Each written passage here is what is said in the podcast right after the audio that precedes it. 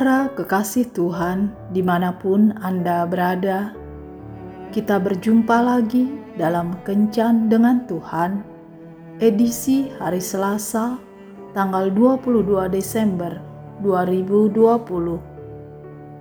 Dalam Kencan kita kali ini, kita akan merenungkan bacaan dari Injil Markus bab 10 ayat 50 Lalu ia menanggalkan jubahnya. Ia segera berdiri dan pergi mendapatkan Yesus. Pada waktu orang memberitahukan kepada Bartimeus bahwa Yesus memanggilnya, maka ia pun menanggalkan jubahnya.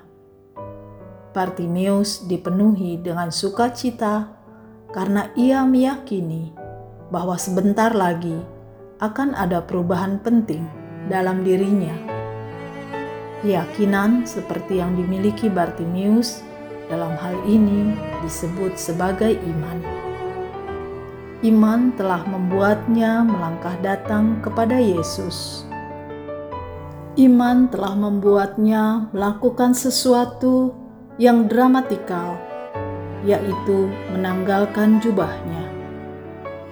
Ia sengaja menanggalkan jubah tersebut agar ia lebih luasa datang menemui Yesus.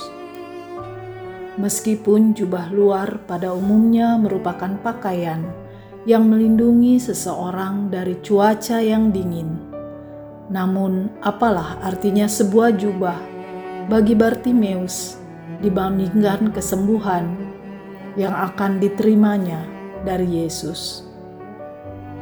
Ini merupakan gambaran yang sangat indah bagi seorang berdosa yang memutuskan untuk datang kepada Yesus.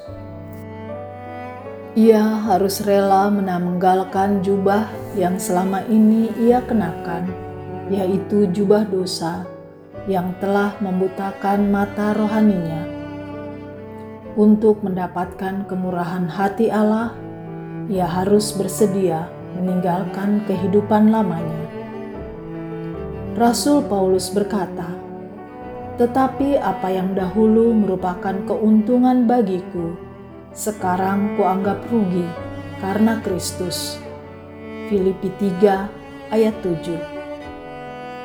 Pertemuan dengan Yesus akan mengubah hidup serta cara pandang kita. Apa yang dahulu kita anggap menguntungkan dan sangat berarti, kini kita anggap rugi ketika mengenalnya. Sesungguhnya, pengenalan akan Yesus tidak dapat dibandingkan dengan apa pun yang dapat kita raih di dunia ini. Karena itu, tanggalkanlah jubah yang selama ini kita kenakan, jubah yang telah merintangi kita untuk datang kepada Yesus jubah yang membutakan mata rohani kita, sehingga kita tidak bisa melihat sang kebenaran itu.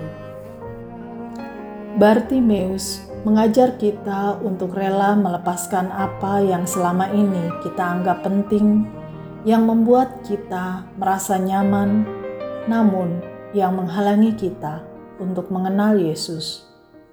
Percayalah Ketika kita datang kepadanya, maka kita akan mendapatkan sesuatu yang jauh lebih baik. Memiliki Yesus berarti memiliki segalanya. Tuhan Yesus memberkati. Marilah berdoa.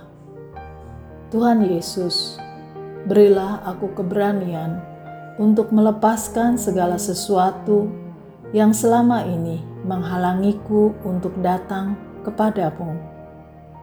Amin.